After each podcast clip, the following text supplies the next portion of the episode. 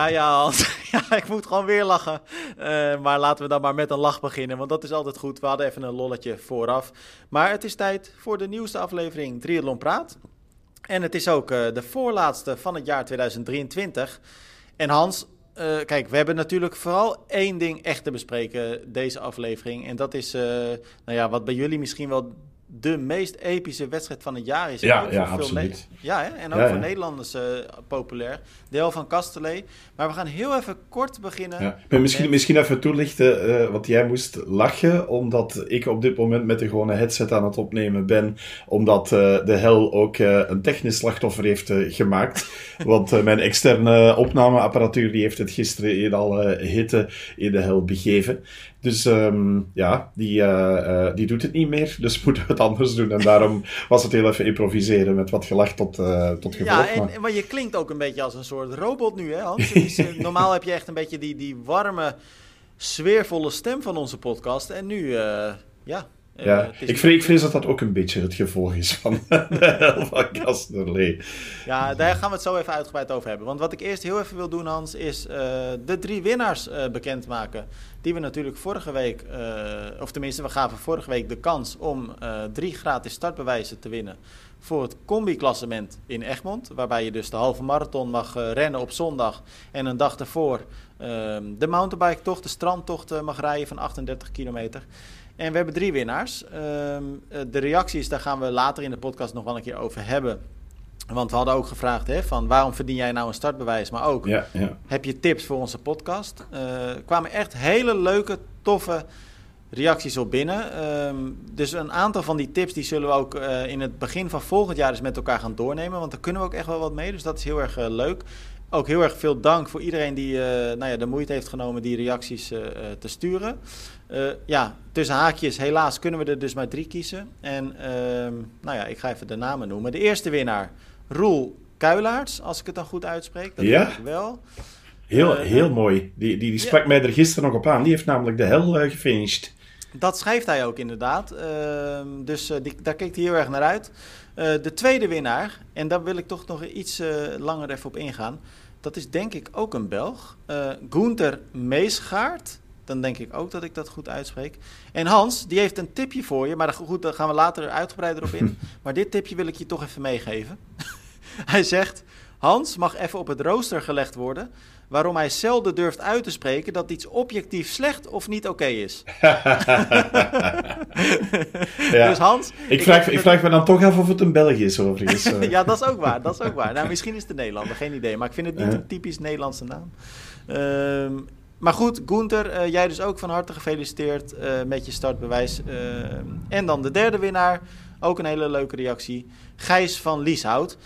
dus mocht je nou je naam genoemd gehoord hebben, deze drie mensen krijgen vandaag, dinsdag dus, van mij persoonlijk een mailtje met de codes voor hun startbewijs. Dus jullie kunnen dan in het, wat is het? Ik denk het tweede weekend van januari, 13 en 14 januari, lekker gaan genieten in Egmond. Ja, ja dat... is hoe je het bekijkt. Genieten of afzien. Of alle twee, hè? ja, en wat gebeurde er gisteren, Hans? Want gisteren was natuurlijk de cross der crossen misschien wel. Hè? Was het daar nou genieten of afzien voor de deelnemers? De hel van Castellet ja, ik weet niet hoeveel genieten erbij is sowieso in, uh, in, in de hel. Um, ik, ik moet zeggen, en, je hoort het ook wel aan mij, het was, het was een, een heftige editie. Uh, er is een stuk van mijn stem dat daar nog ergens in uh, de sporthal uh, Duineneind in Kastelee ligt, denk ik. dus mocht iemand die tegenkomen bij het opruimen, breng alsjeblieft dat gedeelte van mijn stem terug. Um, maar goed, dat is, dat is de ja, vaste prik elk jaar na, na de hel. Dat is een, een, een hele lange dag, heel intensief. Um, en het is voor mij ook, ja, ik, ik vind het zelf ook de mooiste speakeropdracht van het, uh, van het jaar.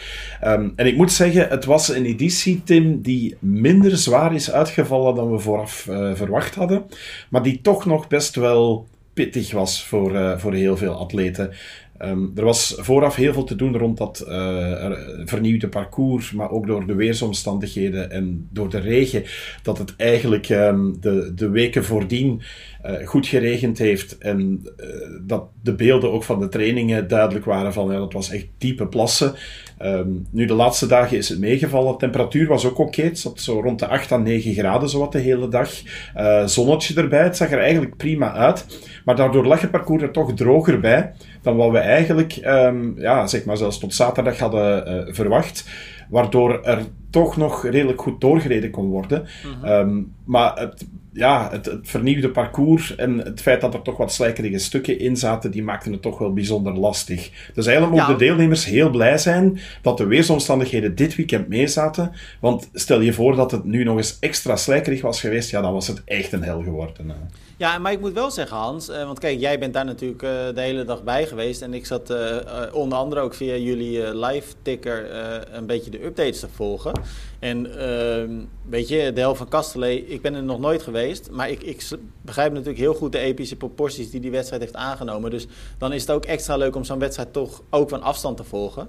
Maar ik zag wel foto's voorbij komen, ook bijvoorbeeld van, van de winnaar Geert Laurijsen. Uh, moeten we trouwens ook nog even over hebben. Want jij uh, bent weer een orakel ja. gebleken. Je had ze allebei weer goed. Maar goed, die zat ook helemaal onder de modder, Dus het was, het, het, het was niet per se eh, ja, het was, ook, het was toch wel afzien dan ook. Ja, ja, ja, maar absoluut, absoluut. Ik bedoel, laat me daar duidelijk over zijn. Het, het was gewoon, het was minder erg dan wat we voorspeld hadden. Ja. Uh, maar dan nog, de hel blijft sowieso afzien door de, uh, de, de, afstanden. Um, en het lag ook nog wel op bepaalde stukken slijkerig. En um, er waren ook heel wat atleten waarvan het nummer niet meer te lezen was. gelukkig ken ik er heel veel. En, en um, was dat dan voor mij als speaker toch nog wel te doen. Uh, maar ja, ja, af en toe zag je wel uh, mensen goed uh, onder een, een, laag modder binnenkomen. maar het had nog veel erger kunnen zijn. Dus op zich, ja, achteraf heb ik nog met de organisatoren erover staan praten en gezegd: jongens, we moeten iets gaan doen aan dat parcours. Het is niet lastig genoeg. maar Hans, probeer eens even te schetsen voor de luisteraars die misschien iets minder bekend zijn. A, met het crossen en B, in dit geval ook eigenlijk een extreem lange cross. Hè, want het is ja, ja. 15 kilometer lopen, 125 kilometer op je mountainbike. En dan, alsof het gewoon niks is, 30 kilometer lopen. Dus je loopt gewoon meer dan een marathon. Ja. Uh, wanneer is die hel van Castellet nou echt zwaar? Wanneer, wat maakt die wedstrijd zo, zo bijzonder ook? Ja, de, de afstanden alleen al maken het uh, bijzonder zwaar. Um, en dan heb je het niet alleen over het, het fysieke stuk daarin natuurlijk. Hè, want ja, je moet er maar gaan aanstaan, Tim, in de wintermaanden um, hier naartoe trainen en dan op wedstrijddag 125 kilometer mountainbiken. Um, ik zag zondag de rondetijden die lagen zo gemiddeld rond de 57 minuten voor de snelste toppers. Um, dus dat betekent dat het gros van de deelnemers is meer dan een uur bezig over een rondje van 25 kilometer mountainbiken. Uh, en 125 kilometer, um, eh, vijf ronden, telkens meer dan een uur. Dus je zit tussen de vijf en de zes uur op de fiets, als je goed bezig bent overigens. Want degenen die het lastiger uh, hebben, ja, die gaan daar nog een stuk over. En, en die gaan gemakkelijk richting zeven uur op, op de fiets bij momenten. Dus dat maakt dat die wedstrijd bijzonder lastig is. Um, en dan zit je ook nog eens met die 30 kilometer, die voor ja, twee derde van het deelnemersveld ook nog eens in het donker uh, gebeuren. Uh, je moet overigens wel begeleid worden, dus dat is wel een goeie. Er moet altijd iemand op de fiets mee met je. Um, en je ziet tegenwoordig dat iedereen dat ook wel beseft en dat het ook helpt dat je een beetje een entourage mee hebt. Uh, sommigen hebben soms wel tot 10 mensen die, die meelopen, mee fietsen, muziek mee, aangepaste playlists. Dus dat is ook wel een ding geworden okay. ondertussen. Maar het mentale aspect daarvan, van dat je na die zware mountainbikeproef nog 30 kilometer kilometer moet lopen over twee, uh, twee rondjes. Vooral die laatste ronde overigens. Dat, zegt, uh, dat zeggen toch heel veel mensen, bijna iedereen, dat die heel lastig is. Omdat je bent na één ronde kom je terug uh, voorbij de sporthal en dan staat het echt rijen dik vol volk. Dat is massasfeer. En dan verdwijn je weg van de sporthal, steek je daar de weg over. En dan kom je eigenlijk terug een beetje in niemandsland terecht. En, en dan wordt het heel zwaar, want dan weet je van, oei, nu nog 15 kilometer voor het erop zit. Dus dat is iets wat, wat de wedstrijd al mentaal bijzonder zwaar maakt. Nog een ander aspect uh, wat ik uh, zondag heb gezien. Um, het eerste lopen dat gebeurde aan, uit mijn hoofd, 48, 47. We hadden een kopgroep van, uh, van zes man die wat bij elkaar zaten. Eigenlijk vier vlak bij elkaar en nog twee er vlak uh, achter. Um, en we zijn dan even gaan uittellen. En dat is een tempo, Tim, van hou je vast, 3 minuten 16 kilometer. In de hel van Kasterlee. Niet normaal, hè? Dat is echt, in de beginjaren, dan, dan ging eigenlijk die 15 kilometer uh, lopen ging meer richting het uur aan, dan dat dat richting de 50 minuten ging, zeg maar. Omdat iedereen had respect voor de afstand en had zoiets van, we gaan niet te snel beginnen met lopen. Maar als je nu ziet, dat is gewoon vanaf de start staan die kerels in de startblokken en gaan ze ervoor. Ja, en dan echt 3.15 lopen over die eerste 15 kilometer, dan denk ik ook van ja, dat is, dat is, dat is absurd snel. Uh, ja. gaat zo hard. En ook in het mountainbiken, dan, dan, uh, je ziet ze voorbij vlammen. Um, er, er viel na de derde ronde viel er een, uh, een gat. Um, want we hadden een kopgroep van zes, dus het beloofde echt super spannend uh, te, gaan, uh, te gaan worden. allemaal heel dicht uh, bij elkaar. Met Geert Laurijsen erbij, met Tim van Hemel erbij, Sebastien Carabijn ook, Stef Verachte, Yves Kolen en Arno Brouwers. Dat waren de zes mannen die vooruit waren. Um, en dan op een gegeven moment kregen we te horen dat uh, Geert gevallen was. De motor die voor de kopgroep reed, die ging onderuit.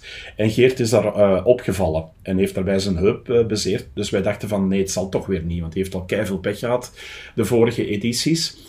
Maar dan is hij toch met Arno Brouwers in de aanval getrokken. Dan maakte Sebastien Carabijn een slippertje, waardoor Tim van Hemel werd opgehouden. Het verschil was 20 seconden. Die heeft dat nooit meer dichtgekregen. Ja. En je zag eigenlijk, je zag ze voorbij komen. Ik zag Tim echt spurten om proberen die 20 seconden dicht te krijgen. En dat lukte gewoon niet. En een ronde later was dat verschil een minuut. En hij wisselde met een minuut 45. Dus je ziet ook van, vanaf het moment dat je niet mee bent met de snelle mannen, dan, dan, ja, dan, dan zit je hopeloos verloren. En als je dan niemandsland alleen komt te zitten en, en ze rijden voor je in een groepje, ja, dat is echt bijzonder, bijzonder zwaar. Dus eigenlijk heeft de, de hel, elke ronde zijn er uh, facetten en aspecten aan die het bijzonder lastig maken voor iedereen. Wat natuurlijk ook het, het, misschien wel, dat zou in ieder geval voor mij gelden. Ik, ik heb geen idee of dat misschien voor die cross-specialisten anders is. Maar als ik dan naar normale long distance zeg maar kijk, hè, dan uh, kijk wij als aidsgroeper doe je natuurlijk in principe uh, sowieso wel alleen. Maar dan heb je nog zoiets van, dan zijn er wel momenten dat je, nou hadden we toevallig vorige week ook met elkaar over, dat je in je lichtstuur kunt liggen, je hoofd af en toe een beetje naar beneden doen. Dan kun je nog een beetje in een soort trance raken of zo. Ja. Maar dat kan op de mountainbike, kan dat natuurlijk helemaal niet. Omdat je, omdat je nou ja, volle focus moet hebben, moet hebben op, op de technische gedeeltes van het parcours. Uh, er zitten valpartijtjes die altijd om de hoek uh, loeren. Uh, het, het ja, is veel, een parcours dat helemaal kapot gereden is en, en sporen ja. vertoont. En dus je moet eigenlijk inderdaad constant blijven opletten. Ja, ja ik, ik neem er echt mijn pet voor af. Hans, jij voorspelde uh, de winnaars. Allebei goed, hè? Dus dat heb je toch wel weer lekker gedaan. Uh. Ja, ja, ja. Ik, ik ben zwaar aan het overwegen om uh, straks de lottocijfers voor de komende weken samen met jou in te vullen. Want jij bent dan denk ik ook mijn geluksprenger, Tim. Maar je was er ook echt trots op, hè Hans? Want jij appte mij ook gewoon. Glazen bol, glazen bol. Ja, ja, ja. ja maar ja. Ik bedoel, ik, ik zit in een winning streak. Het is al een paar weken achter elkaar dat ik de voorspellingen juist heb. Ja. en, en nu weer. En, en ja, ik vond, vond het ook wel best wel, wel mooi. Nu, iedereen heeft het Geert uh, Laurijsje gegund. Dat, dat merkte je ook. Um, Seppe Odijn heeft het ter plaatse ook nog uh, gezegd. Tim van Hemel die kwam binnen en die zei, ja, als ik van één man wil verliezen en tweede worden, dan is het Geert wel, die gun ik het. Um, de, de, de, hele sporthal, iedereen in Kastrel had zoiets van, eindelijk Geert. Dus dat, dat, dat was wel mooi op zich. Uh, dan merk je ook van hoe zo'n wedstrijd verweven is met, met die figuren die, die de hel de hel maken. Um, ja. Dus ik vond dat al mooi voor hem. Want in principe waren een paar mensen die, die, die uh, tegen mij zeiden van, dat je resoluut voor Geert kiest. Uh, Sebastien en Tim zijn eigenlijk wel de betere lopers. En mm -hmm. in normale omstandigheden zeg ik altijd ja, maar dit is de hel van Casterlee en dan wint niet altijd de beste loper. Dan is dat gewoon de meest complete en degene die de hel het beste aanvoelt en een goede dag heeft. En, uh, en die had Geert. En oké, okay, die mannen hebben dus toch nog, overigens, dat vind ik dan, ondanks die afstanden en dergelijke, dan spelen die nog bluffpoker, Tim. Dat is onvoorstelbaar. Dan, dan gaan die even nog twee kilometer doortrekken om het, het gat te maken en te laten zien van, dit ga je niet meer dicht krijgen. Hè. Uh, en Tim van Hemel die probeerde dan nog wat dichter te komen. Dat lukte ook. En dat was ook wel ergens een beetje psychologische oorlogsvoering om te laten zien van, ik maak van twee minuten, maak ik 1 minuut 55, jongen. Dat je weet van dat ik er nog ben. Uh, maar je weet dat je dan niet eeuwig kan volhouden. Um, ook overigens, want dat is de laatste jaren echt een ding, en dat zeg ik ook nu weer, ze gunnen elkaar niks meer in de wissel. Ja. Dus de eerste die binnenkomt, die trekt zo snel mogelijk de loopschoenen aan en die is vertrokken. Vroeger werd er de tijd genomen om uitgebreid van kledij te wisselen en nog wat te eten en dergelijke. Dat was voor iedereen zo'n beetje een rustmoment na dat mountainbiken en dan beginnen aan die 30 kilometer lopen. En nu lijkt het wel bijna een Olympische triathlon en is het gewoon hoppa, loopschoenen aan, petje op, klaar en uh, we zijn vertrokken. En als één iemand dat doet, ja, moeten al die achtervolgers volgen, want anders weten ze van ja, ik heb hier nog een minuut aan mijn broek. Dus, uh... ja. Hey, en bij de vrouwen dus de winst naar Lotte de Vet. Ik denk dat we voor beide winnaars, maar dat kun jij beter vertellen dan ik. want jij, nou ja, nogmaals, jij stond er met je neus bovenop. Ehm, hele terechte winnaars. En ehm, ook wel met, nou ja, best wel veel stijl de wedstrijd gewonnen, denk ik. Hè? Want uiteindelijk, als je naar zowel de mannen als de vrouwenwedstrijd kijkt, waren er nog twee koplopers tegelijkertijd in T2. de winnaars hebben het allebei afgemaakt tijdens die laatste 30 kilometer lopen. Uh, lijkt me niet per se de makkelijkste opdracht als je uit die T2 wegrent. Nee, en weet van hé, hey, ik moet nog 30 kilometer door, uh, door lastig terrein heen gaan rennen. Ja. In de wetenschap wat je al in je benen hebt, natuurlijk. Ja, ja. en dan ook nog eens opgejaagd worden. Hè, want uh, Lotte die, die kwam samen met Anne Ravenstein binnen. En die is eigenlijk ook nog een ronde op, op niet al te grote achterstand blijven hangen. Is dan wel beginnen breken in, in de tweede ronde. Ehm, voor de derde plaats ook nog zo'n mooi duel tussen Karen Steurs en Stefanie Adam, die haasje over uh, sprongen. Ja, ja dat was wel nieuw dit jaar. Dat, dat, de, de spanning is veel langer in de wedstrijd gebleven dan, dan andere jaren. Ehm, dat had natuurlijk te maken ook vroeger met de hegemonie van, van een Seppe Odijn. maar het is ook wel mooi om te zien dat, dat, dat hij een opvolger heeft gekregen. Een mooie opvolger. Ehm, en, en ja, ik zeg het was Geert gegund, maar het is Lotte ook gegund hoor. Um, dat is een echt super sympathieke atlete. die, die dit jaar een fantastisch jaar heeft gedaan. Ze heeft een wereldrecord marathonlopen, uh, waarbij zijn vriendin uh, verder duwde met uh, de rolstoel. Um, dat was in um, Madrid, denk ik. Het was al sinds in Spanje, maar ik durf er niet helemaal meer mee zeggen nu of het Madrid of een andere stad was. Maar ik dacht wel Madrid, we hebben daar ook nog uitgebreid een, een, verslagje van, van gebracht. ze heeft dan 2K Ironman in Hawaii gefinished. Um, tussendoor nog een paar goede wedstrijden neergezet. Um, ze, is, is, echt zo meer op, op het, het, het ultrawerk ook aan het eh, gaan. Dus ja, deze hel, dat, dat was haar op het lijf geschreven. En, en ze heeft dat fantastisch gedaan. Uh, en naast de sport is ze ook gewoon een, een topmens. Um, want ze is ook nog eens medewerkster op de um, Athletes for weide. Dat is de revalidatieweide van Mark Hermans, uh, waar af en toe ook de staprobot en dergelijke voor To Walk Again wordt, uh, wordt ingezet. Dus ook naast de sport is uh, heel erg verbonden met, met Mark en, en met het hele To Walk Again gebeuren. Ja, en dan gun je iemand als Lotte dat nog eens extra om, om dat mee in de verf te kunnen zetten met zo'n overwinning. Dus dat was echt wel, wel knap. Ik, ik, heb het, ik heb het ondertussen gelijk even voor je gecheckt, Hans. Die marathon was in Barcelona. Dus Barcelona, ja, ik was in twijfel welke. Maar, Barcelona. Was, ja, ja. maar inderdaad, wat je zegt, mooi verhaal. En als je dan op deze manier de helft van Kastelee uh, wint, ja, dat is gewoon prachtig. Uh, was Seppe daar ook om te kijken of niet? Ja, ja die, uh, die was er s ochtends om de start te geven. Um, en die is dan nog mee even co-commentator bij mij geweest. Okay. We zijn de wisselzone ingetrokken en dan heeft hij wat commentaar gegeven bij de fietsen die daar stonden en, en hoe de atleten het materiaal hadden aangepakt. Was best wel leuk om te horen. Van. Dan krijg je echt inside information van iemand als Seppe die dat dan bekijkt en, en die zich vragen stelt ook bij bandenkeuzes en, en dergelijke. Um, die ook overigens een gravelfiets omgebouwd op mountainbike spotten. Uh, waarbij nog de vraag werd gesteld van, mag dat eigenlijk? Uh, nu, de atleet die die bij had, Xavier Depard, die is uh, voortijdig moeten, moeten uitstappen. Um, die had overigens last van, van zijn rug. hij zei, waarschijnlijk net door die gravelfiets eigenlijk is dat niet het beste materiaal, denk ik, voor in de hel. Um, maar het was leuk om, uh, om te zien en hoe dat jij dan aan het kijken was naar, naar uh, de, de verschillende setups en over uh, remmen bezig, remblokken en voeding onderweg. maar hij is, is niet super lang gebleven. Hij zei het ook al voorhand tegen mij. Hij zei: Ik, ik, ik ga misschien nog een beetje van het mountainbiken meepikken. Hij zei: Maar bij de finish wil ik al lang weg zijn. Dat doet één, te veel pijn.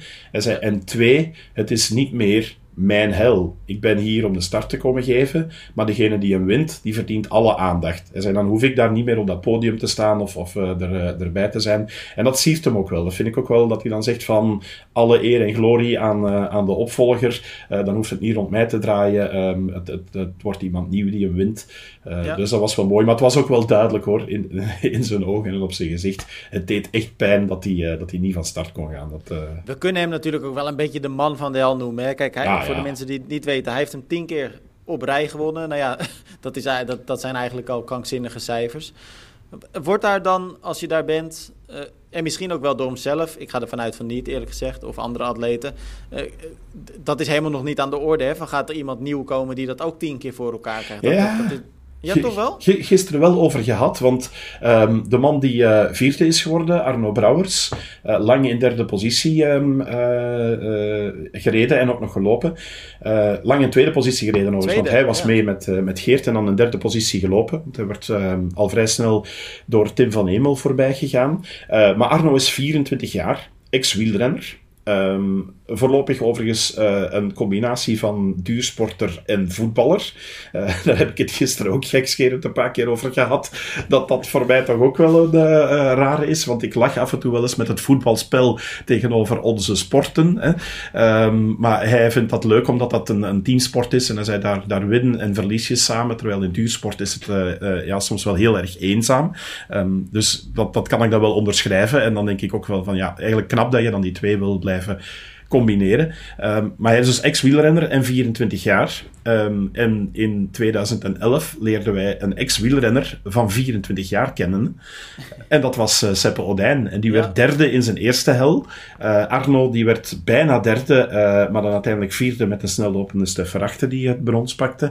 Um, dus als je dat dan wat doortrekt, dan denk ik van ja, hier zit potentieel in. Want hij is nog jong. Um, het was zijn allereerste keer in de hel. En als je dit al kan neerzetten en je kan dan toewerken. Het was voor de allereerste keer in zijn leven dat hij 30 kilometer had gelopen. Um, dan denk ik van ja, hier zit misschien wel eens een opvolger in voor Seppe. Ik weet niet of het nog mogelijk gaat zijn, overigens, Tim, dat, dat, dat je nog eens iemand gaat krijgen die tien jaar achter elkaar kan, uh, kan zegenvieren. Want daar hebben we het ook uitgebreid over gehad. Geert uh, Laurijsen die wint hem nu bij zijn zevende deelname. Maar die heeft de zes vorige keren toch bijna elke keer met pech af te rekenen gekregen. Ja. En... Nou ja, ik denk dat potentieel dan inderdaad ook het juiste woord is. Want je kunt natuurlijk nog zo goed zijn, nog zoveel talent of nog zoveel potentie. Maar hoe goed je ook bent, tien keer een, een grote wedstrijd winnen, dat is eigenlijk eh, dat is uniek. Dat, ik, ik, ik, durf me bijna af te vragen of dat überhaupt ergens anders gebeurd is. En tuurlijk, ja. dat zal heus wel Pas op, bij, bij Geert overigens wel. Want die heeft dan okay. uh, de crossduathlon van Wust-Wezel twee weken geleden gewonnen voor de tiende keer. Dus okay. ook dat is mogelijk. Maar het is gewoon, je moet dan het geluk hebben dat je op die dag niks uh, voor krijgt, dat je geen pech hebt. Als je ziet hoeveel atleten er pech hebben in, in die wedstrijd. Hè. Lekke banden, maar ook afgebroken derailleurs, uh, afgebroken stuur gezien. Ook dat wel een opvallende, want uh, Kevin Nering, ook een ex-wielerprof overigens, um, die brak zijn stuur. die had een reservefiets mee, gelukkig. Is dan nog tijdig op de reservefiets kunnen gaan en heeft dan de snelste ronde neergezet. Okay, dus ik kreeg nog een extra premie aan de finish. En dan had ik ook wel zoiets van, ja, wel knap. Uh, want die is zelfs met gebroken stuur, zat hij redelijk goed voor in, uh, in de wedstrijd, in een achtervolgende groep. Um, dus je ziet maar van, van ja, je kan materiaalpech uh, hebben, je kan ziek worden, je kan geblesseerd geraken. Dus dat je gewoon echt tien jaar achter elkaar de finish haalt in de hel, dat is al, al ja, dan moet je echt ook wel, dan zit er een factor geluk ook wel bij in. Dat, ja. Hans, uh, de helft van Castellet zit erop. Uh, ja, jij, ik, jij nog, nog, nog één dingetje daarbij overigens. Want als je dan kijkt naar mannen die, die potentieel hebben, want we hebben nu alleen maar Belgen vernoemd. Maar ik wil ook voor onze Nederlandse luisteraars nog even vermelden van een man om in de komende tijd uh, te volgen. ook hij, ex-fietser en mountainbiker. Maar Geert van Kuik, die, um, ik denk dat hij afgelopen jaar zijn eerste duathlon deed in uh, Etteleur en meteen won. Ik durf niet zeker zeggen dat het zijn allereerste was, maar uh, dat was meteen zijn eerste duathlonzege. Uh, en die in zijn eerste hel net buiten de top 10 finishte, maar echt wel na een goede wedstrijd. Hij zat echt redelijk goed mee voorin. En het was niet meteen de naam die ik had verwacht om mee te spelen voor, uh, voor de top 10. Dus dat is denk ik ook wel, als je praat over potentieel, een Nederlander met potentieel om de komende jaren misschien ook wel mee te komen spelen voor podium. Heeft bewezen dat hij dat wel in zich heeft. Dus, uh... Maar Hans, dan heb ik wel gelijk een vraag, want daar wilde ik namelijk eigenlijk al een beetje naartoe. Dus het is goed dat jij nu zelf hierover begint. Uh, we trapten deze podcast af met de winnaars voor Egmond. En uh, het was niet helemaal voor niets dat ik één tipje die we kregen alvast aan je doorgaf. En dat was dus dat jij uh, best wel af en toe eerlijk mag zeggen of iets goed of niet goed is. Ja. Als we die lijn dan even doortrekken naar de hel. Ja. Ehm, durf jij te zeggen, vallen de Nederlanders over het algemeen misschien een beetje tegen dit jaar? Want we hebben dus niemand in de top 10. Uh, er staan altijd goede Nederlanders aan de start. Dat was dit jaar ja. ook niet anders. is dat teleurstellend dan of niet? Nee, nee, nee dat, dat durf ik heel stellig te zeggen. Daar moet ik niet uh, diplomatiek over doen zelfs, of niet over nadenken. Ik vind die elfde plaats van, um, van Kuik vind ik geweldig. dat heeft hij echt goed gedaan. Het niveau was gewoon echt superhoog. En als je kijkt wie er allemaal in de top 10 finishen, en dan zitten nog een paar debutanten in, tegenwoordig top 10 halen in de hel, dan, dan moet je echt top zijn. Dus als je daar net tegenaan zit, dan, ja, dan, dan is het gewoon goed. Dus ik, ik zou zeker niet zeggen van ze hebben slecht gepresteerd. Um, ik denk zelfs echte specialisten zoals Wouter Dijkshoorn, die mij ook nog een berichtje stuurde na de vorige uh, podcast, uh, uh, om mij te vertellen van dat ik hem nu helemaal had getriggerd en dat bij hem ook heel hard kriebelde en dat hij liever had meegedaan. dus hij gaat er normaal gezien volgend jaar terug, terug staan. Maar zelfs ook een specialist zoals hij. Um, ik denk dat hij het ook lastig zou hebben in, in dit veld om, om in die top 10 te geraken. Om omdat je zag eigenlijk de, de, de strijd voor het podium, dat waren eigenlijk vier, vijf mannen. Sebastian Carabijs dan um, uh, helemaal leeg eigenlijk uitgevallen. Die had geen energie meer over. Uh, dat was overigens grappig. Ik ging naar hem toe en ik zei nog een beetje sussend van, ik zeg, ah, Sebastian, het ging wel erg snel vooraan. Hij zei, nee, nee, nee, zo snel ging het niet. Het ging gewoon niet snel genoeg bij mijzelf. dus dat vond ik wel, hij was heel eerlijk erin. Hij zei, ja, hij zei, ik had niet genoeg energie en dan heeft het geen zin om het lichaam verder uit te putten. Uh, maar daarachter, eigenlijk van plaatsen uh, 6 tot en met 15, is er eigenlijk constant strijd geleverd en zat dat allemaal dicht bij elkaar. Uh, en dan hangt het af van, van een paar uh, factoren. En, en, dus eigenlijk vind ik, als je top 15 bent in, in dit gezelschap, in deze hel, dan, dan hoor je tot, tot, tot de absolute goeie. Nou, Gunther, je hoort het als je luistert waarschijnlijk wel, want vorige week luisterde je ook. Uh, we krijgen Hans niet zo ver om uh, minder politiek correct te zijn. nee hoor, een grapje. Nee, ik ben het helemaal met je eens. Wat je zegt, die wedstrijd is zo sterk bezet. En uh, los van het feit dat die sterk bezet is, het is ook een wedstrijd die iedereen gewoon wil winnen. En dat betekent dus ook dat je altijd de, ah, ja, er kan maar één winnaar zijn. Dus ook daarachter krijg je gewoon een ontzettende spannende strijd die heel vaak dicht bij elkaar ligt. En ik, ben, ik sluit me helemaal bij je aan. Ik bedoel, als je elfde bent, uh, vind ik dat geweldig. Maar het enige punt wat ik een beetje probeerde te maken, en ik denk dat je dat misschien wel met me eens bent. Uh, kijk, tien Belgen in de, in, de, in de top 10. Ja. Het is best opvallend dat er dan geen Nederlander bij zit. Nee, uh, nee.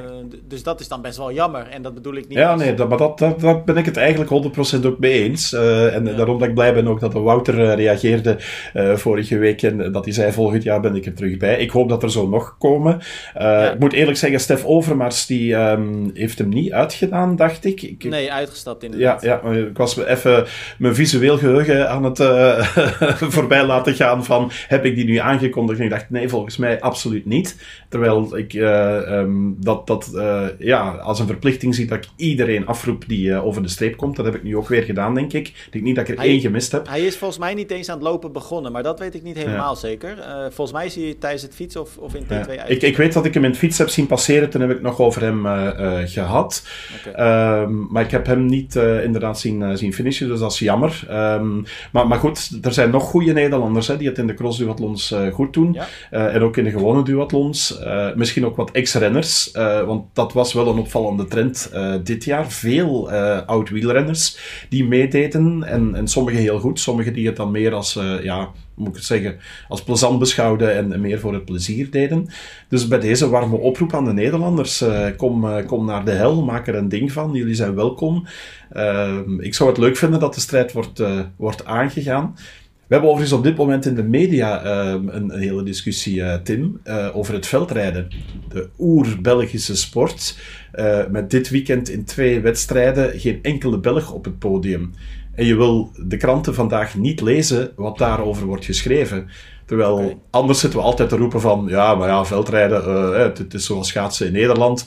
Uh, doen een hoop Belgen mee en af en toe is een buitenlander die goed is. En dan zitten we te klagen van dat de sport niet mondiaal genoeg is. Maar als we dan twee grote wedstrijden hebben met geen enkele Belg op podium, dan is het van, oei, uh, Belgische armoede ja. en, en wat ah, jullie, jij en... zei vorige keer nog, want Mathieu van der Poel was natuurlijk zaterdag oppermachtig winnaar. Ja. dat was toch ook wel een beetje een Belg, hè? Ja, dat, dat is dan een halve Belg, maar nu, ze zijn wel hard na dit weekend de commentaar van, uh, het was dan uh, Mathieu en, en Tom Pitcock die, die dit weekend gewonnen hebben. En dan twee keer twee Nederlanders mee op het podium. En dan in een Belgische sport als veldrijden, ja, dan begint dat toch wel pijn te doen dat daar geen officiële Belg op het podium staat. En dan denk ik ook van, ja, maar langs de ene kant zit je te roepen van, het, het mag mondialer. maar als de Belgen dat niet meedoen, is het ook weer niet goed. Dus het is altijd dan, wat. Ja, nou ja, dat is zegt hem. De Hans, de hel zit erop. daarmee is nu ook echt wel het seizoen over. geen grote wedstrijden dit jaar meer. Uh, eigenlijk ook bijna geen kleine wedstrijden meer. Het zal wat meer, uh, nou ja, inderdaad een beetje het crossen zijn. Het hardlopen, wat nu uh, iets meer even. Nog, nog, nog wat kerstcorridas hier en daar. En, in, in Leuven is er zo eentje, ik denk de dag Precies. voor oudjaar, de 30ste of de 31ste zelf zelfs. Dat durf ik niet van buiten zeggen, moet ik eens nakijken. Um, daar doen altijd veel triatleten mee. Ja. maar, maar voor de rest is het qua duursporten zit het er wel op. wel zie ik hier en daar nog mensen die met plannen rondlopen om rare dingen te doen in de kerst vakantie En met raar bedoel ik dan uh, nog wat uh, extra veel kilometers maken. Ik weet niet of jij nog zo'n dingen in je hoofd hebt gehad, Tim, om nog eens gek te nou, doen. Wij, wij, wat wij eigenlijk altijd doen, en dat zei ik natuurlijk ook met, toen we onze plannen voor volgend jaar bekend gingen maken. van wij doen eigenlijk altijd op, op de dag van kerstavond, dus 24 december, doen we eigenlijk altijd wel een lekkere lange ehm, trailrun. maar dat zit er met mijn kuit nu nog steeds niet in, dus dat wordt hem niet. Uh, maar we zaten er een beetje aan te denken om, uh, ja, dat is heel suf eigenlijk. Maar ik, ik wandel nu veel om die kuit een beetje aan te sterken. Dus misschien gaan we dan uh, die dag een hele lange wandeltocht doen. 40, 50 kilometer of zo, even kijken. Ehm, maar verder eigenlijk niet heel veel plannen. Ik heb wel gisteren, of ja, eigenlijk eergisteren dus, vier uur weer lekker op Swift gezeten. Mooie blokkentraining. Dus dat, nou ja, dat zijn natuurlijk ook lange ritten. Vier uur op Swift. Ja, dat is best wel, ja, vind ik in ieder geval lang. Maar ik vind het aan de andere kant ook wel leuk. Ja. Doe, doe jij overigens alleen Zwift of doe je dan ook nog serietje kijken, podcast op? Of, uh... Ja, meestal als ik uh, een rit van één uur of twee uur doe, dan zet ik gewoon muziek op. maar zoals gisteren was dan een, een vier uur rit met ja, wel veel blokken, maar niet echt extreem zware blokken of zo. dus toen heb ik eigenlijk in één, één fietsrit heb ik één hele serie afgekeken. Dat was de documentaire over... Ehm, Conor McGregor, die eh, UFC-fighter. En dat vond ik ook wel heel interessant om te zien. En ik moet heel eerlijk zeggen, als je, als je dat bekijkt en als je ziet wat die gasten allemaal doormaken. Hij breekt op een gegeven moment ook een teen tijdens een training. En dan zetten ze hem zelf recht, zodat hij door kan trainen. Ja, dat zijn wel dingen dat ik denk... Zo zwaar is triathlon dus misschien ook niet. Ja, het is echt heel extreem. Maar, ja. Uh, hoe, hoewel, ja, als, je, als je op Zwift zit, kijk je dan films of series? Of? Uh, ja, ik, ik, ik, wissel ook af uh, tussen uh, muziek, podcast en, en series. hangt er een beetje ook af van, van de duur. Ik, ik vind het af en toe wel leuk, als het zeker wat langer is, om dan een serie aan te zetten dat je eigenlijk zo na elk einde van de aflevering even een momentje hebt van wat, wat drinken en wat eten. En, ja. Dus dat, dat geeft altijd zo'n beetje, dat, je, dat is zo het tussendoel wat je eigenlijk op training ook hebt. van, dat je weet, ah ja, daar aan de brug moet ik die kant op en, en vandaar ja. ben ik terug richting dat heb ik zo'n beetje hetzelfde als ik series zit te kijken. Van, uh... ja. Alright, Hans, er waren nog wel een paar kleine nieuwtjes. Gaan we nu even snel doorheen. Hoeven deze podcast dan ook niet al te lang te maken. Maar dit is best interessant. Het BMC Pro 3 team, ja. Uh, ja, triathlon team dus, die versterkt zich met drie atleten. Er gaan er ook drie weg. Nou ja, Pablo González de Peña, logisch, want die uh, is met pensioen. Um, Patrick Nilsson, die verlaat het team ook. Ja, die moet het team verlaten. We moeten daar ook eerlijk in zijn. Wat zeg ik, denk, ik denk dat Patrick nog wel dat door wilde gaan, maar hij, hij heeft het uh, ja, zowel fysiek als mentaal gewoon al, al twee jaar zwaar. Um, en de topprestaties volgen niet meer. En uh, ik heb in, in Knokke zat hij in hetzelfde hotel en heb ik nog met hem ontbeten en, en uh, met hem zitten babbelen. Dat is ook een, super sympathieke gast, Patrick. Uh, en ik was ook blij dat hij er gewoon terug bij was. Pablo da Peña was er overigens ook. Um, en dat vond ik ook fantastisch om die nog eens terug te zien in wedstrijd. Um, maar ja, als je niet presteert, dan op een gegeven moment houdt het ook bij de sponsors op. dus dat zat er wel aan te komen dat hij moest, moest gaan. Ja, en dan uh, Max Neumann nog. Die verbaast me eigenlijk nog het meest van, uh, van die drie. Maar de drie nieuwe namen, uh, dat zijn toch ook niet de minste? Dat zijn Clement Mion, ja. Lucy Byram en Sam Dickinson. Ja. Ehm, Nou, ik denk de grootste naam, Hans, daar ben je met me eens, is uh, Mignon natuurlijk. Ja, ja, ja absoluut. Uh, het meest verbaast mij is Dickinson eigenlijk. Heb jij ja, dat, ja dat, had ik, uh, dat had ik ook. ik had eigenlijk, voor mij waren er twee verrassingen aan, omdat um, ja, in de wandelgangen waren de geruchten echt wel heel sterk dat er um, terug met minstens één Belg zou onderhandeld worden. Um, en die gesprekken zouden er ook geweest zijn, maar dat is blijkbaar niet tot een concrete overeenkomst geworden. want het BMC uh, Pro Triathlon Team, dat is het voortvloeisel vanuit het, het U-Place uh, triathlon team, dat in België gestart is destijds, uh, met Bruno Clairbout, met Sophie Goos, later Rutger Peken erbij, Bert Chamar onder andere, Axel Zeebroek ook nog. Um, dus dat is eigenlijk een internationaal team geworden vanuit een Belgische basis. Alleen is het nu al een aantal jaar een, een Belgisch internationaal team zonder België. Dus dat is een beetje de jammere vaststelling, maar goed, dat is zo en daar gaan we weinig aan kunnen doen. En dan inderdaad, het tweede verrassing was dat er dan gekozen wordt voor een atleet die nog geen enkele long distance heeft gedaan. Want en sterker nog, uh, de komende paar maanden uh, volle focus zal hebben op de Olympische Spelen. Ja. En pas daarna zich gaat richten op de, uh, op de langere afstand. Maar ja. goed, het is, een, het, is, weet je, het is een succesvolle atleet. En uh, wat dat betreft is misschien ook wel een hele mooie investering in de toekomst. Dus we gaan het zien. Het is in ieder geval een mooie, mooi rijtje uh, met namen. Uh, dus, dus benieuwd wat dat team volgend jaar gaat presteren. Ja, ik vond overigens ook verrassend dat, dat Lucy Buckingham er nog steeds bij zit. Ik had ergens verwacht dat hij ook nog wel een, een, extra stap zou maken. Want die heeft eigenlijk ook een heel goed seizoen gehad. Um, en dan ja, Max Neumann, dat is eigenlijk jammer voor het, voor het team dat hij vertrekt. Ik denk dat dat wel het grootste talent is binnen het uh, eh, BMC Pro Tri Team. En um, ik denk dat dat wel een beetje een aderlating is voor het, uh, voor het team. Ik denk dat dat ook wel hun speerpunt was. Maar goed, met Clement Mignon hebben ze wel iemand die, die misschien die rol zou kunnen overnemen. Uh, maar dan vrees ik dat dat enkel gaat zijn voor de echt lastigere wedstrijden. hij moet het toch wel meer hebben van, van de klim triathlon, zeg maar. Ja, eens. Hey Hans, als je volgend jaar sterk wil zijn met, je, met, met de races die je gaat doen. EPO gewoon in kleine doses toedienen dan, hè? dan word je niet gepakt. Ja, ja. Nee, ik, ik ga toch maar gewoon door op, uh, op wake-up uh, en, gewoon een sportfoodie en dergelijke. Maar ik, ik, ik zag het bij Joe Skipper voorbij komen en dan zag ik jou het ook uh, oppikken. En toen, laat ik dan even niet politiek correct zijn, dan dacht ik van waarom gaan we in godsnaam weer aandacht besteden aan Armstrong? Jij hebt echt. wij, wij zitten volgens mij best vaak op één lijn. Maar wat betreft Armstrong liggen wij volgens mij echt totaal niet op één lijn. Ja. Uh, geeft natuurlijk ook helemaal niet. Uh, maar hoe heb jij dit nieuws gelezen wat dat betreft? Ja, niet. Nee, ja. nee ik zag het voorbij komen, maar ik had zoiets van ja, boeien. Ik bedoel. Uh, weet je, het, het verhaal erachter, dat ik van, ja, het bevestigt alleen maar wat ik vind van de persoon Armstrong.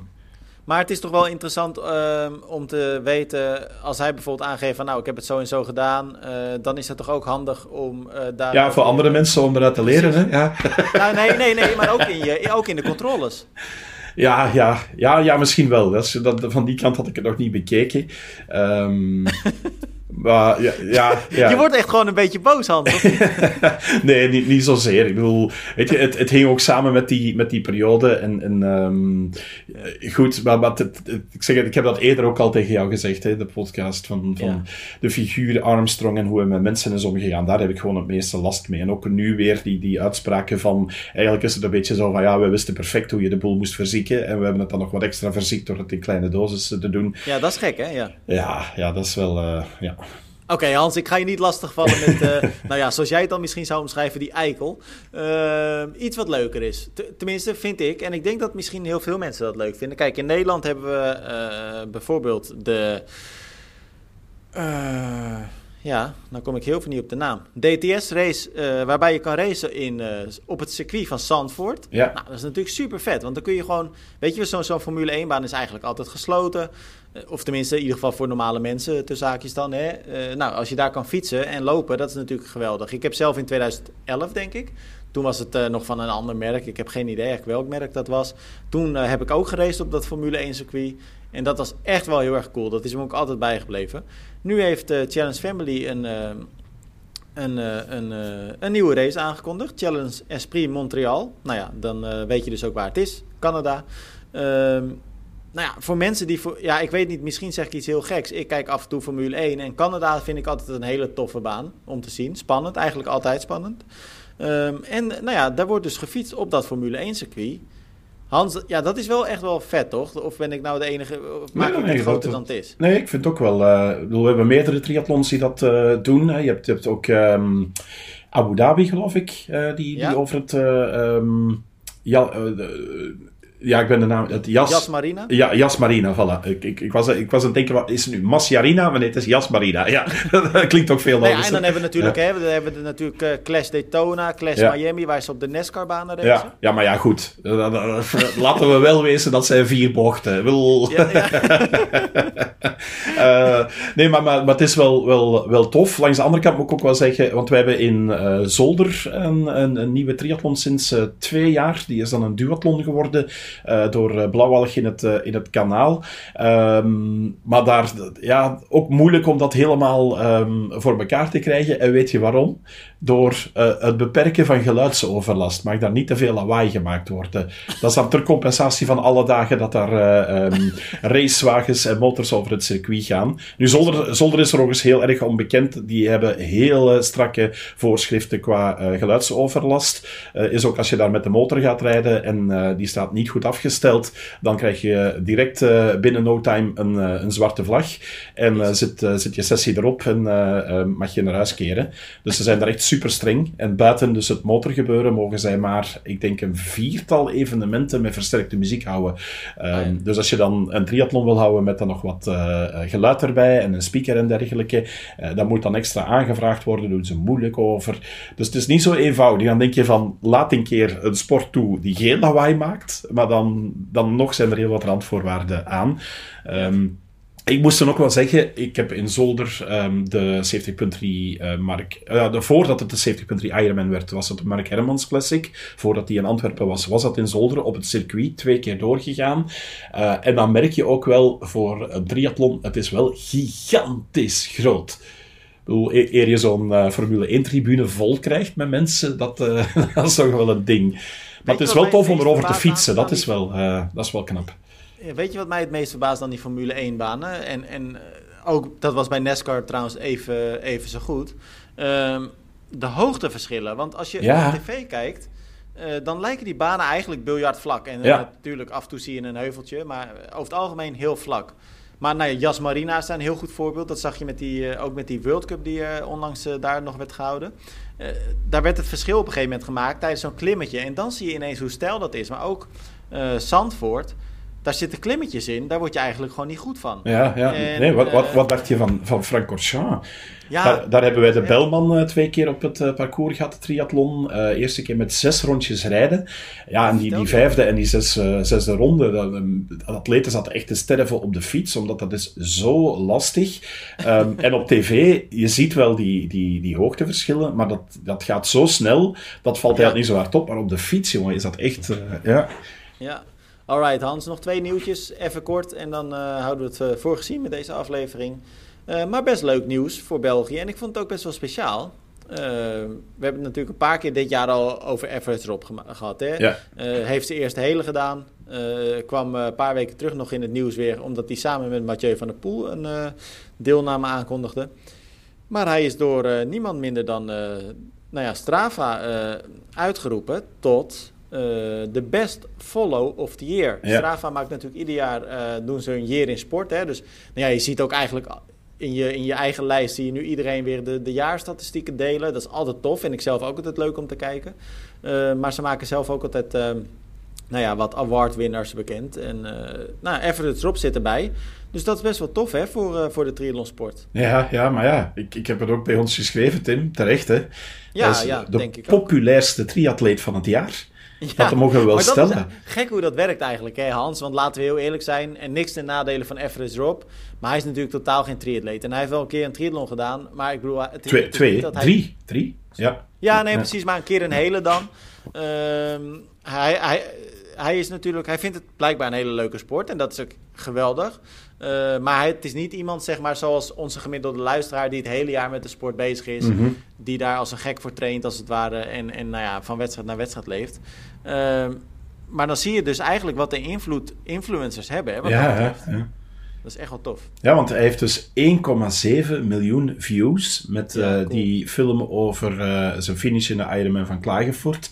Dat is, dat is gigantisch. Er is geen enkele Ironman pro, nog Olympische pro, die, die aan dat soort cijfers en volgers komt. Nee. Dat is echt, dus als je eigenlijk gaat kijken naar wie is de populairste triatleet van 2023, dan moet je gewoon stellen, dan is het Average Rob. En Ja, Sommige mensen stellen daar vragen bij. Ik ben dan gewoon een grote fan, want 1,7 miljoen mensen die in aanraking komen met de triathlonsport en die mogelijk anders niks zouden hebben met eh, zwemmen, fietsen, lopen, ja, dan dat, dat is gewoon goud voor, eh, voor de toekomst van onze sport. ja zo denk ik. Precies zo denk ik er ook over. Nou, laatste nieuwtje, daar worden ook wel vragen bij gesteld. Dan denk ik eigenlijk ook bij mezelf. Eh, maak het niet zo moeilijk. Maarten van der Weijden Mhm. eh, heeft natuurlijk dit jaar de Elstede Triathlon ook gedaan. eh, is voormalig Olympisch kampioen. Eh, die gaat. nieuw, ik moet heel even niezen, Hans. Ik voel een. Nou, hij trekt weer weg, dus dat scheelt. hij, hij trok in één keer weer weg ook. Ehm, die, moet een, die gaat een nieuwe wereldrecordpoging dit jaar doen. Ehm, even uit mijn hoofd. 28 december starten. Ja, 28 december. En hij gaat 45 uur in een stromingsbad zwemmen. Dus bijna twee dagen. Ja. Eh, het record staat op dit moment op 36 uur. Hij heeft hem al een keer geprobeerd te verbeteren. Maar toen eh, bleef hij haken op 32 uur. Maar wat ik nou een beetje gek vind, is dat er bij, bij- Maarten van der Weijden wordt op de een of andere manier altijd een beetje fel gereageerd bij ons. Mhm. Want dan vinden ze dat het een beetje een egotripper is die, Ja. eh, die dit soort dingen allemaal voor zichzelf doet. Maar volgens mij vergeten heel veel mensen dat deze man A. gewoon een sportjunk is. En B. miljoenen ophaalt voor kankeronderzoek. Dan denk ik, dan is het toch gewoon win-win eigenlijk. Je hoeft het niet te volgen als je er geen zin in hebt. Nee, nee. Ik, ik snap hem wel. Eh, en ik moet wat minder politiek correct zijn. Hè? Dus ik heb mij ook die vraag gesteld, Tim. Van, eh, gaat hij weer iets doen? En dan weer, weer zoiets absurds. En dan denk ik ook soms van, ja, waarom doe je dat? En, en doe je dat dan effectief om dat geld binnen te halen? Eh, doe je dat omdat je verslaafd bent aan de sport? Of doe je dat vooral omdat je graag zelf eh, in de kranten staat met eh, grote titels? Dus zelfs dat ik, is- ik heb dat me die vraag gesteld. Rob dan precies hetzelfde, Hans? Nou, daar, zie ik het anders. Die doet het niet, denk ik, voor eh, de, de pers te halen. Die doet dat natuurlijk voor views. Hij is een influencer. Eh, maar dat is, dat is op zich ook nog wel een, een, een job. En daar kan je ook respect voor hebben. En ik vind het ook een leuke manier waarop dat, eh, dat Rob het doet. Ehm, ik heb hem ook leren kennen. En misschien is dat ook wel een probleem. Ik, ik ken Maarten van der Weijden minder. Ehm, en ik denk dat wij Belgen er ook net iets minder mee, mee hebben. In Nederland is hij ondertussen, denk ik, super bekend. Ehm, dus dan vanuit een, een Belgisch standpunt van iemand die je dan wat minder kent en van minder dichtbij volgt, ja, dan stel ik me ook wel eens de vraag van, ja, waarom moet dat weer, Maarten? En, en... Ja, maar jij zei in het geval van Everest Rob, en laat het duidelijk zijn, hè, want ik vind Everest Rob ook tof dat hij doet. Maar jij zei net bijvoorbeeld ehm 1,7 miljoen views. Dus het zijn eigenlijk in potentie 1,7 miljoen mensen die nooit met triathlon in aanraking komen. En dan nu via hem die sport leren kennen. Eh, of je Maarten van der Weijden nou een eikel vindt of niet, of dat je het overdreven Ik vind er geen eikel over is. hoor. Nee, nee, nee, nee, dat bedoel ik niet Ja, ja. specifiek voor jou. Maar gewoon, Mhm. als ik de reacties lees, heb ik wel het idee dat sommige mensen hem op de een of andere manier, eh, eh, om de een of andere reden, wel een eikel vinden. En dat mag, als, als je dat vindt. Ehm, maar feit is wel dat die, dat die man, eh, nou ja, ik zei het net al, miljoenen ophaalt voor kankeronderzoek. En dan denk ik, dan is het toch alleen maar goed dat hij dat doet. Ik bedoel, Ja. het is toch prachtig als je dat voor elkaar krijgt op deze manier. Ja, klopt, klopt. Ik zeg het daarom, ook, ik hing dan op die twee gedachten, maar bij mij kwam het ook wel eh, even voorbij hoor. En, ehm, maar goed, als hij dit wil doen en hij brengt dan ook nog wel bij aan het, aan het goede doel, dan is dat een mooie. Of dat dat dan zo breed dan moet, eh, moet uitgesmeerd worden, dat is dan een, een tweede.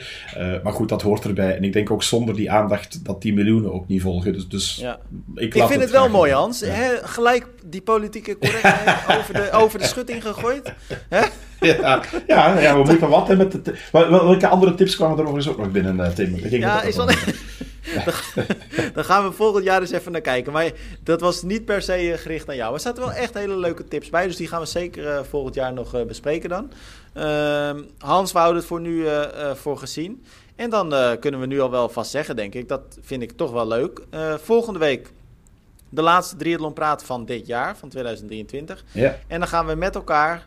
eh, kalkoen eten en... eh, Wat zeg je? zeg kalkoen eten, liters wijn drinken. En, eh, Nee, maar dan gaan we even met elkaar bekijken wat wij de mooiste momenten van dit jaar vonden, toch? ja, Alright. Absoluut. Hans, spreek ik jou volgende week. wens, ik je, wens ik jou en ook alle luisteraars alvast een hele fijne kerst. Want dat is uh, natuurlijk aankomend, uh, aankomende zondag begint dat. Mm -hmm. En uh, dan gooien we tussen kerst en oud en nieuw, misschien op tweede kerstdag zelfs, de podcast met, met, de, met de terugblik online. Dus voor nu hele fijne dagen ja, en ja. tot volgende week. Oh, oh en toch nog wel één ding hoor, Vo voordat we ja? er, eruit gaan. Um, ja, met mijn glazen bol aanspreken. Maar dat kan ook nog in, in de aflevering van, van volgende week. Maar het, ja. er is geen triathlon, dus ik gooi me nu volop op het WK darts. ja, dus ik ga de, de, de, de, komende dagen effectief wordt het kalkoen en wijn en darts. Dus, uh. ik, vind dat een, ik vind dat een leuke tv-sport. Dat heb ik ook uh, vaker uh, gezegd in de podcast. En ik begreep, ik zat Studio Sport te kijken. Ik volg het nu iets minder de laatste tijd. Maar wij hebben een Nederlandse een, nieuw Nederlands talent. 18 jaar geloof ik. Hij heeft zijn baan opgezegd ervoor. En uh, daar mogen we veel van verwachten, wat ik begreep. Oké, nou, ik ga er naar uitkijken. We hebben ook vier Belgen in het uh, toernooi. Dus uh, als, als we niks over triathlon te zeggen hebben de volgende keer, gaan we het gewoon over darts hebben. En, uh, en ik ga dan weer in mijn glazen bol kijken en, en um, voorspellen wie de wereldkampioen wordt. Maar wie, wie gaat het worden dan? Want dan moet je het nu wel zeggen. Ja, nee, nee. Moeten we nog heel even moeten de spanning opbouwen. Hè? Ik, had nu, ik zit nu in de winning streak en het duurt nog even. Het, het WK's, de finale is op 3 januari, geloof ik. Dus we hebben nog ah, even. dan hebben we nog even. Oké, okay, Jan, spreek ik jou volgende week. Alright.